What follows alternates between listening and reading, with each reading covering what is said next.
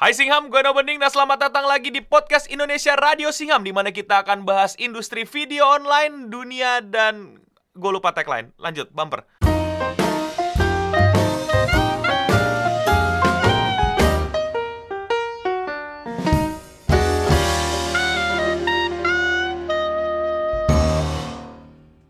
Ya, kali ini kita bakal ngomongin hal yang jauh dari video online, dari meme, tapi ke pop culture, yaitu ke dunia anime. Kita akan ngebahas anime Boruto di mana saya adalah salah satu orang yang uh, mengikuti Naruto dari kecil dan ngikutin Boruto juga dan sekarang saya mau bikin sebuah statement bahwa Boruto itu adalah anime terkesalahan. Terkesalahan. Tertidak apa ya? Tertidak jelas. Dan kita mau bahas lebih lanjut bareng sama teman-teman gue di sini ada Admin Yami dan Admin Asura. Halo, saya Admin Yami, admin tercinta kalian di Clean Sound Studio. Hai, gue Admin Asura. Ya, udah gitu aja. Boruto, Naruto. Kita mau ngebahas seberapa gagal anime itu, seberapa ngaco, seberapa tidak relevan lagi sama kita, seberapa buruk itu anime. Pokoknya, uh, dari uh, gua dulu deh. Gue uh, ngelihat ini jelas-jelas milking ya. Nggak rela Naruto kelar tapi mesti kelar. Tapi kalau nggak dikelarin nanti kepanjangan. Tapi bisa dilanjutin karena duitnya masih segar ya. Merchandise segala macam iklan event off air on air masih rame. Dan dia jadi Boruto ini adalah perpanjangan tangan kapitalis. Bukan sebuah apa ya mahakarya lagi melainkan sebuah apa ya franchise gitu kayak McDonald aja. Kalau menurut kalian gimana nih? Mungkin dari dari admin Asura nih alias alias Ombil nih. Gua nonton kan awalnya pengen dapat cerita yang fresh tapi apa yang saya dapat? Oh, tai-tainya itu ya. Apa? Ya. Tai-tainya gue sebut namanya lupa. ya asistennya mah itu Kishimoto Sensei. Ya, yang bikin kan dia. Kalau Bapak Akila nih, admin Yami? Kalau aku sih kelihatnya awal-awal penonton wah lumayan sih ini karena awalnya kan menceritakan siapa itu Boruto dan sebagainya itu kan lumayan asik tuh. Tapi lama kelamaan kenapa ini anime jadi slice of life? Slice of life yang cuma ditambahin action. Apaan kasih, coba? Kalau kalau tema ninja. kalau iya live action ninja. Dibilang oh dibilang historical action juga gak seberapa banyak actionnya Uh. Ya lebih ke fan service sih kayaknya Boruto fan service sampai 129 episode haha fan service. Kalau nontonin Ninja Slice of Life mendingan nonton apa? Apa tuh? Uh, itu Ninja Ninja Hatori. itu Hatori. Bukan uh. itu lagi yang apa? Yang perguruan Ninja Ninjutsu. Dan, Ninja Boy, Ninja Boy. Oh Ninja Boy. Oh, oh dan dan iya yeah, mendingan nonton Ninja Boy sekalian lebih lebih ini ya lebih senang, lebih seru gitu, komedinya lebih dapet, itu kan percintaan gak jelasnya sama pertemanannya lebih berasa gitu. Di, di Boruto tuh lu apa ya? Lu mau ceritain dunia shinobi yang dilanjutkan, tapi lu malah ngomongin permasalahan bapak dan anak yang berkelanjutan aja gitu. Jadi dedi isunya kepanjangan ini Boruto. Seharusnya seharusnya itu Boruto udah selesai. Udah gak ada gak ada perang lagi kan udah damai hmm. musuh di bumi habis nyari di bulan anjing musuh di bumi habis nih gak ada kita bingung cari musuh di mana ya bulan terus di bulan habis di bulan habis dimensi lain gitu yeah. ya. Ntar dimensi lain apa coba? Musuhnya juga habis dimensi lain time uh, travel kita ke masa lalu cari musuh lagi. cari-cari musuh, musuh. terus. Iya cari musuh. Orang cari damai orang cari musuh iya. mereka aneh. Hmm. cari yang menyenangkan yang nyantai tapi cari musuh tapi masih mengenang masa lalu. Oke kita coba breakdown satu-satu.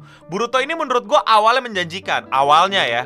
Karena penasaran nih gua mau ngelihat uh, bagaimana uh, Naruto mati? Karena di awal kita ditis banget kan sama si Boruto yang apa lawan siapa sih tuh? Gue lupa nama musuh. Kawaki Kawaki, Kawaki. sampai gue lupa tuh udah Kawaki. Kawaki juga nggak gila nih ternyata ada masalah lagi nih di dunia shinobi nih yang membuat bahkan sampai yang yang terdewanya aja Naruto bisa dikalahkan nih. Pasti ada sesuatu nih. Terus di situ kita lihat Boruto dengan uh, katananya gitu ya layaknya Sasuke masternya gitu kan dengan mata apa nih apa mata dia tuh apa namanya jogan jogan jogan ya jogannya jogan. gitu apalah itu fungsi gue nggak ngerti ya pokoknya tertarik gitu tapi udah 100 berapa tuh 100 dua hampir 200 ya kita ya udah ya 20. hampir Ya 200 150 lah, hampir 100. 150 lah. Iya, seratusan episode capek gitu kayak apa sih konfliknya mau mau ngomongin apa sih gitu? Ngomongin musuh di bulan, ngomongin eh, masalah daddy issue, ngomongin lu jadi kakak yang baik atau mau ngomongin bagaimana Tomodachi Tomodachi dan nakama-nakamaan lagi gitu. Diulang-ulang aja dan gua nggak bisa ngelihat Boruto ini sebagai sebuah karakter yang berhasil dibuat gitu, tapi sebagai karakter yang diada-adakan aja gitu.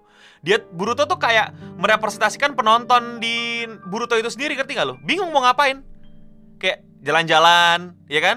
Nemu masalah, Mm-mm. kelar. Jalan-jalan. Nemenin adiknya, ya kan? Cari tahu bapaknya, Ya. kelar. Nemenin ke keluarga emaknya, ngomongin matanya, Mm-mm. kelar. Jadi terlihat sekali Boruto ini kayak kita gitu. Kita juga nggak punya arah mau nontonin mau nontonin Boruto tuh kita mau ke mana gitu. Apalagi kemarin tuh, jadi gue pikir tuh gini. Pertama kalau gue dari segi orang marketing gue akan ngeliat kan, oh target market lu siapa nih? Pasti dong otomatis kalau lu bawa-bawa Naruto, pasti lu pengen banget penonton-penonton lama nih yang berpuluh-puluh tahun ngikutin lu nonton lagi gitu kan. Jadi kita sebagai orang-orang tua yang dulu ditemani Naruto mau, mau lanjutin nih perjalanan anaknya Naruto gitu kan.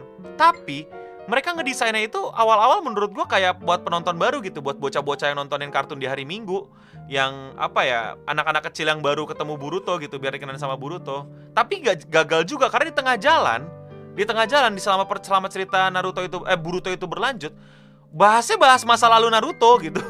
Jadi Mm-mm. Gue sebagai Iya, penonton yang emang udah ngikutin dari awal malah jadi kayak jadi lu kasih tontonan buat siapa sih kan- kentang banget gitu udah apa udah udah udah mau fresh ngomongin anak-anaknya eh bapak mamanya dibawa bawa diseret-seret mulu Dibawa-bawa. mulu mau ke mana lu anjir Terus Iya, dibanding-bandingin juga tuh. Masalahnya gini nih, masalah gini nih. Dari awal perang, dari awal peperangan kan pemicunya adalah QB-nya Naruto mau diambil. Ya nggak sih? Kurama mau diambil. Sampai sekarang itu Kurama mau diambil, gak kasihan apa? Masih dibawa-bawa loh sampai sekarang Kuramanya. itu Itu kasihan. pengisi suaranya kesian banget tuh Kurama tuh beberapa kali doang keluar di Boruto iya, beberapa tapi adegan masih doang dibawa-bawa. Cuma berapa adegan tapi dibawa-bawa terus. Ini kapan bayaranku cair? Kapan? Bawa-bawa tapi gak, gak dipakai gitu. Hmm. Pengisi suaranya apa coba? Padahal padahal ngisi suara cuman baiklah Naruto. Oh, oh, gitu. Apa yang sedang kau lakukan di sini? Oh. Oh, anjing, apa? Oh, kenapa kau bisa masuk dalam area ini? Itu eh, Oh, oh. dialog terakhir aku Rama tuh. Kau bisa... Apa sih inget? Apa coba? Iya, gue juga ngelihatnya kayak apa ya? eh gue gue gue kira ini oke lah buat penonton baru. Ternyata enggak, masih buat kita karena masih bahas masa lalu. Terus masalah yang dikasih apa? Masalah bapak dan anak yang tidak terselesaikan. Dari awalnya kan udah udah udah udah udah spoil banget nih Boruto kan. Terus akhirnya pada saat momen yang lawan Otosuki apa sih namanya gue lupa Momotsuki ya? Atsusuki. Ya yang yang yang yang yang ampe Nah, ini yang gue kesel nih. Ini ini ini ini yang gue ini gue curhat kesel dulu ya. Iya. Gua nonton movie-nya, ya. Gua Setuju. nonton movie-nya. Boruto the movie. Ya, Heeh, iya. yang di mana harusnya itu adalah hal yang hanya bisa dinikmati di movie. Ya dong, yang di mana si Naruto Iya, Sasuke benar. team up lawan itu lagi terus dibantuin Boruto gitu. Tahu-tahu dibawa juga ke anime. Di ke animenya ada juga. Bedanya Tapi dikit. beda. Bedanya dikit. Dan bahkan Iya. bahkan menurut gua fight scene-nya lebih bagus yang di anime daripada yang di movie. Tahu gitu gua nggak nonton movie anjing. Tahu gitu? 35 ribu melayang. Ye. 75 anjir gua. 75 lu. 75 gua. Tahu Oh, gitu gua nggak ya? nonton. Tahu gitu gua nungguin animenya aja kalau misalnya ternyata sama aja, malah bagusan fight scene-nya ya itu kelihatannya lebih bagus menurut gua ya. Adegannya pada saat pada saat yang di anime daripada yang di bioskop. Swear deh, kalau lu nonton dua-duanya ya. Gua sakit hati banget nyet kayak ah gila gila. Ternyata sama aja gitu. Gue pikir ada ada ada spesial spesial ada apa? Enggak, udah gitu doang. Gue sih itu itu kekecewaan gue ya sebagai fans yang emang nontonin ya. Terus Iya. balik ke Daddy Issue yang di mana harusnya udah selesai pada saat itu kan pada saat ngelawan itu karena akhirnya dia pakai baju Naruto kecil kan jadi kayak wah gue bisa merasakan apa yang bokap gue rasakan dulu gitu kan. Udah dibawa makan ramen udah dibawa jalan-jalan udah dibawa bantu nyelesain masalah udah ngobrol sama Sasuke. Oke kelar. Oh belum kelar Ternyata hari ayah dan anak gitu kan. Oke dikelarin Akhirnya mereka sparring bareng kan malam-malam gitu kan. Oke gitu kan.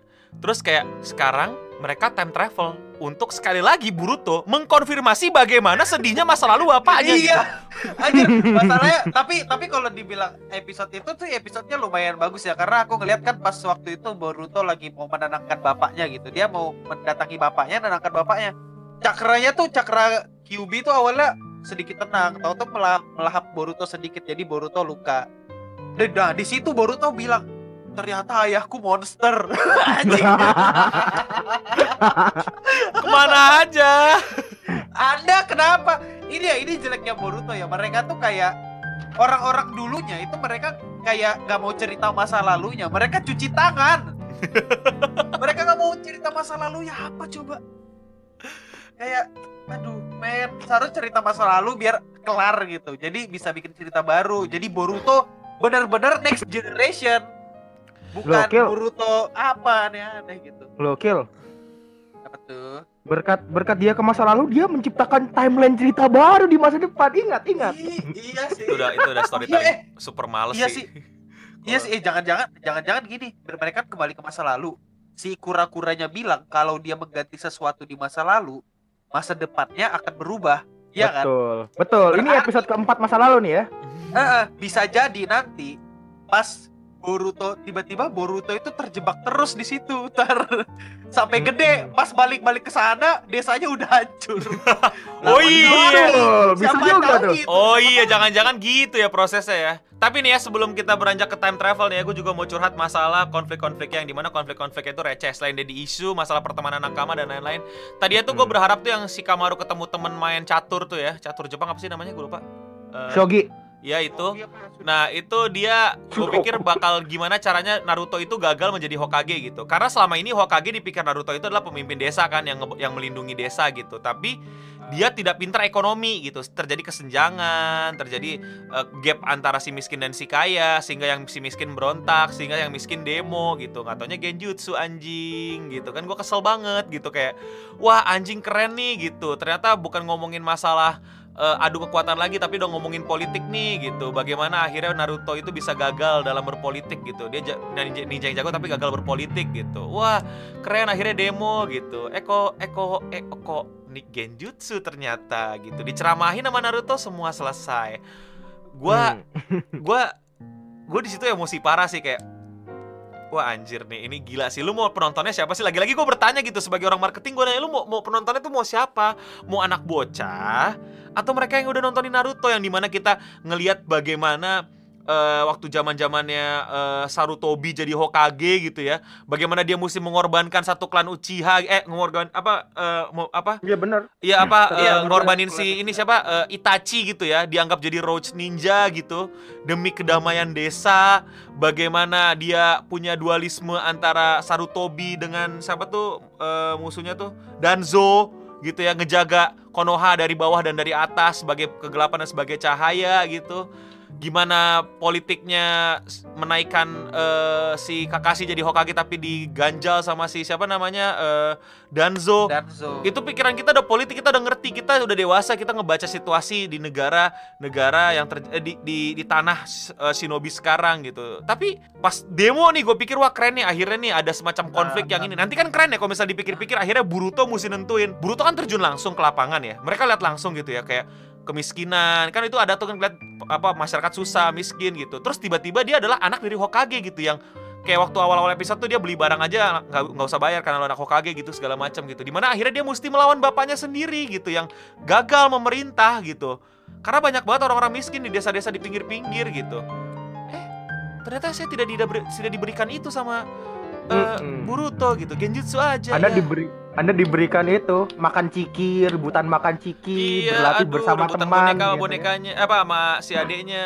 ya Himawari, udah gitu doang gitu. Eh, Gue jadi belajar kayak, menggambar ya. iya ampun. belajar menggambar dong, aduh gitu. Jadi kayak gue lagi-lagi gue tanya lu mau, mau mau ngomongin apa sih gitu. Terus tiba-tiba sekarang ngomong bahas manusia-manusia bulan ini yang makin gak jelas gitu ngomongin politik lagi sok-sok keren politik gimana Sasuke dikirim untuk nge- eh, apa mencoba mencari tahu tentang situasi yang terjadi di dunia shinobi sekarang tapi akhirnya adalah ke apa ya void gitu ya kekacauan kiri kanan yang ada dan diselesaikan aja gitu dan akhirnya ya itu sampai ke titik tiba-tiba sekarang mesti time travel itu gue kayak musti banget nih semua masalah dibikin tiba-tiba hadir gitu ya. Kayak goal besarnya tuh tidak ada lagi udah gitu. Ingat kita nontonin Naruto ya. Pengen lihat perjuangan dia menjadi seorang Hokage. Ya kan? Tercapai. Sekarang gue tanya, Boruto itu cerita tentang apa yo? Anak yang kalau- rebel sama bapaknya. itu yang gua tangkap di movie itu gitu. Coba coba kalau Iya itu sih kalau di ini. Kalau kalau aku ya, kalau yang ada di kepalaku ya, Boruto ini karena dia udah dapat hidup enak kan. Jadi dia itu bingung gitu. Kenapa aku dapat hidup enak?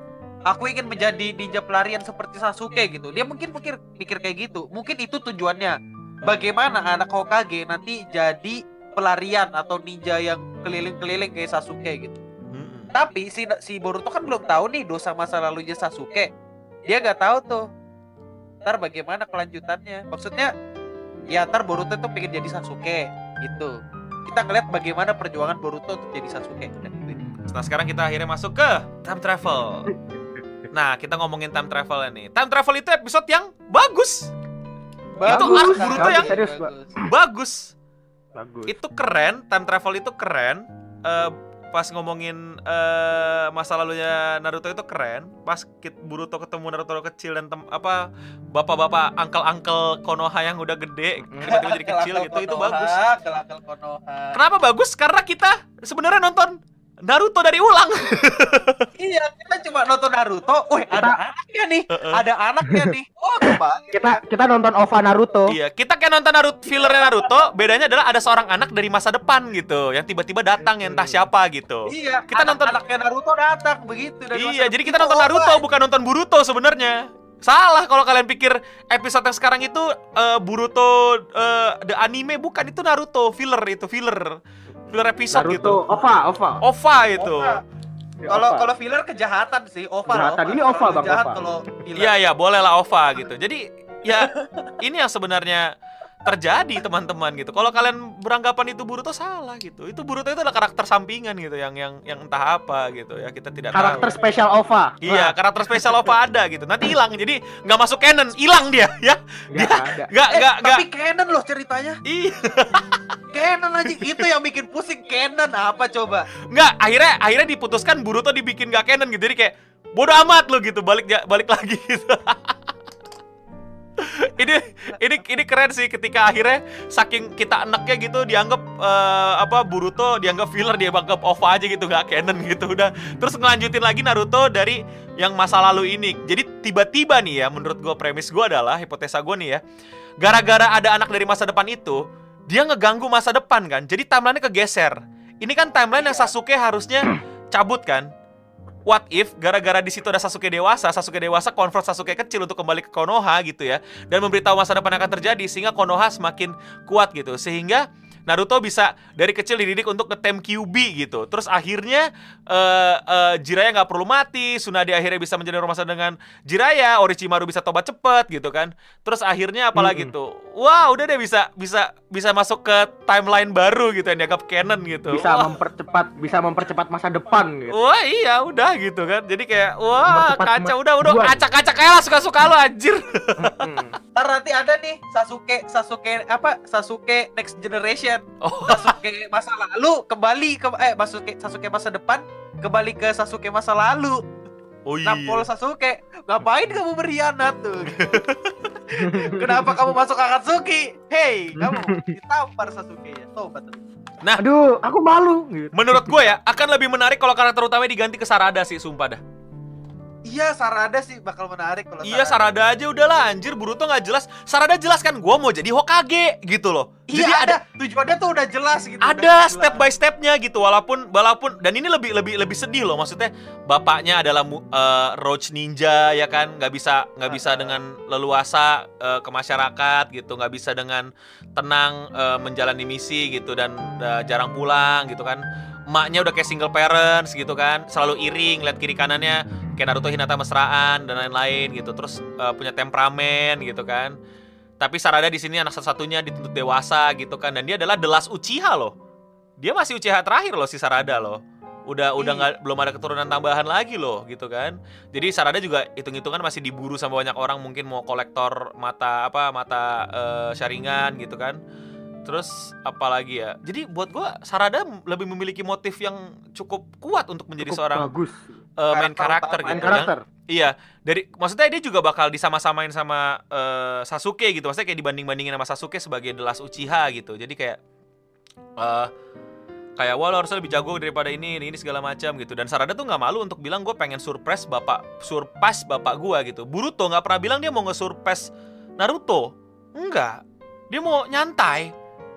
Nggak keren gitu. Dia pengen yang jadi keren aja gitu. enak. Dia bingung. Dia dia dikasih tanggung jawab Jogan juga nggak tahu mau ngapain gitu. Tuh copotnya tempel ke mata kiri Sarada udah nggak jelas banget. tapi eh, aku kenapa ini imajinasi liarku aja ya kan kalau misalnya Sarada jadi tokoh utama ntar formulanya sama sama lagi dong dengan Naruto yang sebelumnya agak aneh Ya kan? mending mending gitu kalau mau milking kill. enggak, enggak. Gak apa-apa, tapi Ya, itu bisa, tahu, Bang. bisa itu bisa masuk. Baga- Bayangin Sarada yang emang berusaha untuk ngebangun Konoha ngikutin jalurnya Naruto gitu kan. Sedangkan Boruto itu kayak udah nyantai, akhirnya dia jadi Roach Ninja dan akhirnya mungkin tobat gitu bantuin Sarada. Tapi menurut gue intinya ya Boruto ini tuh udah bukan karakter yang tepat untuk jadi main karakter lagi karena udah nggak ada. Coba jelasin sama gue, Boruto itu film tentang apa? Boruto nyari nyari nyari nyari masalah dan selesaikan masalah, udah gitu aja. Mm-mm. Udah gitu. Karena lebih gampang formulanya lebih gampang gitu Dan sampai sekarang gue nggak tahu gimana caranya Boruto bisa dapat dua elemen padahal masih genin. Dapat win sama so- sama petir anjir. Petir. Soalnya Boruto jenius. Gitu doang penjelasannya Iya. makasih. Iya. Boruto ah, iya Boruto tuh serius, jenius. Boruto itu ninja jenius. Iya, tapi dia lebih pintar dari bapaknya enggak men, Mm-mm. maksudnya sejenius-jeniusnya Sasuke di mana di itu lagi masa perang, di mana pelatihan ninja lebih ketat gitu ya. Sasuke itu dilatih sendirian dulu sama Kakashi sampai bisa Chidori ya. Tadinya elemen dia cuma Iya. api. Boruto karena dia jenius. Oke, Gan. Iya, Boruto jenius dan punya ibu sejahat itu. Hah? Iya. apa maksudnya Iya, dia Iya, kalau misalnya ibu ketiduran kan diawasin pakai Byakugan gitu. Jadi kalau belajar Oh, oh boleh. iya iya iya Tapi ya jadi nggak make sense aja gitu. Toto punya oh ya baru Boruto dikasih dua elemen gitu kan, win sama petir gitu. Oh, oke. Kenapa? Karena dia jenius. Oke. Mm-mm. Penjelasannya gitu.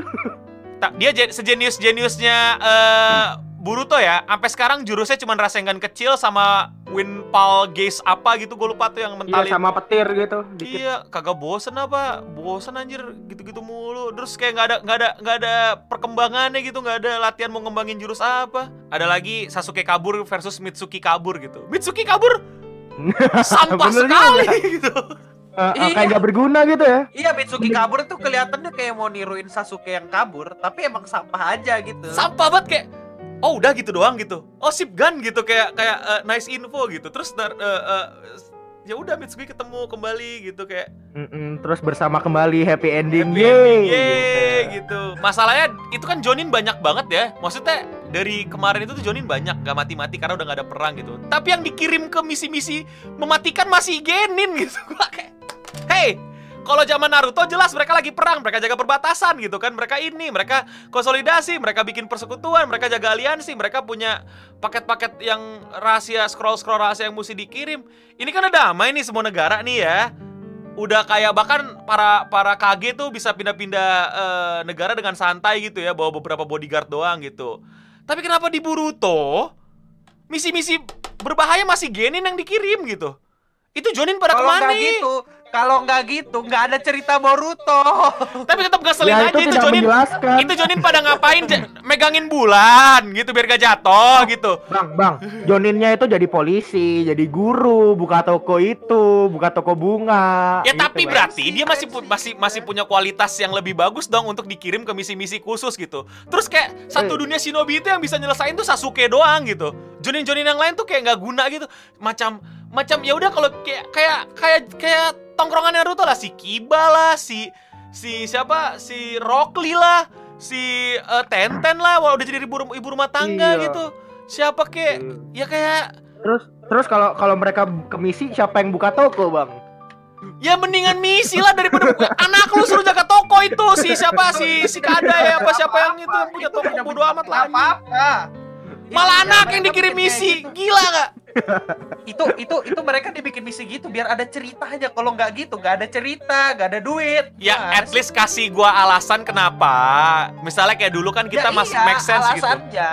Ah. buat cerita. misalnya misalnya nih ya misalnya mereka semua lagi dikirim misal untuk nge-scout bulan gitu lagi berpencar Ah. jaga perimeter karena banyak ini Momosuki dan teman-temannya gitu Oh, gini bang. Eh, lu tahu kan Boruto bisa seribu bayangan? Udah nggak butuh Jonin. kan ada seribu Jonin. iya terus Naruto gue juga inget banget tuh awal-awal anime baru eh, Boruto ya Naruto kan bisa Kage Bunshin ya Kage Bunshin ini dipakai buat ngirim laundry anjing gue kayak aduh apaan sih ini Eh, eh, maksa banget barang sih orang-orang. maksa banget kok kayak Naruto ini bikin super sibuk tapi ngurus laundry gitu kayak kayaknya nggak ini deh apa buat gua kayaknya Sepertinya Anda bisa menghabiskan waktu dengan anak Anda. hai iya Naruto. kayaknya Naruto sibuknya dibikin-bikin deh gitu nggak nggak yang sibuk banget banget menurut gua Naruto sibuk ya iya sibuk terus jalan-jalan sama Sarada gitu anjing dari bapaknya daripada kita semakin memperpanjang keluhan kita terhadap Boruto ya yang kalian juga bisa bongkar sendiri dan komen di bawah mungkin eh, keburukan-keburukan Boruto yang kalian temukan ya ke kegagalannya gitu ya dan kengacoan Boruto ya. Silakan komen panjang lebar di bawah. Dan seperti biasa di Radio Singham kalau ada bintang tamu kita akan memberikan quote-quote istimewa nih. Silakan quote-nya dari Om Bill nih. Quote-nya apa? Oh, gini gini gini. Boruto kosong nyaring bunyinya. nah boleh boleh boleh. Lanjut. Bapak Akila ada Boruto di balik batu. Ada Boruto di balik Naruto. Oke, itu dia. Thank you semua yang udah dengerin. Thank you semua yang udah ngikutin Radio Singham Podcast yang ngomongin kejelekan-kejelekan banyak hal. yang udah mau subscribe, share, dan nontonin dan setia ngikutin podcast kita. Kalau kalian ada kritik dan saran, komen di bawah atau ada eh, bahasan yang menurut kalian perlu kita bahas di podcast juga komen di bawah. Jangan lupa juga untuk follow kami di sosial media dan sebarin video ini ke tongkrongan-tongkrongan kalian ya. Biasanya radio ini dengerin sampai kalian tertidur atau sampai kalian uh, lupa ngerjain kerjaan tapi nggak tahu semoga kerjaan kelar semoga tidur kalian nyenyak. Dan seperti biasa untuk kita semua stay clean and sound. Sampai ketemu lagi di radio Singham berikutnya. Dadah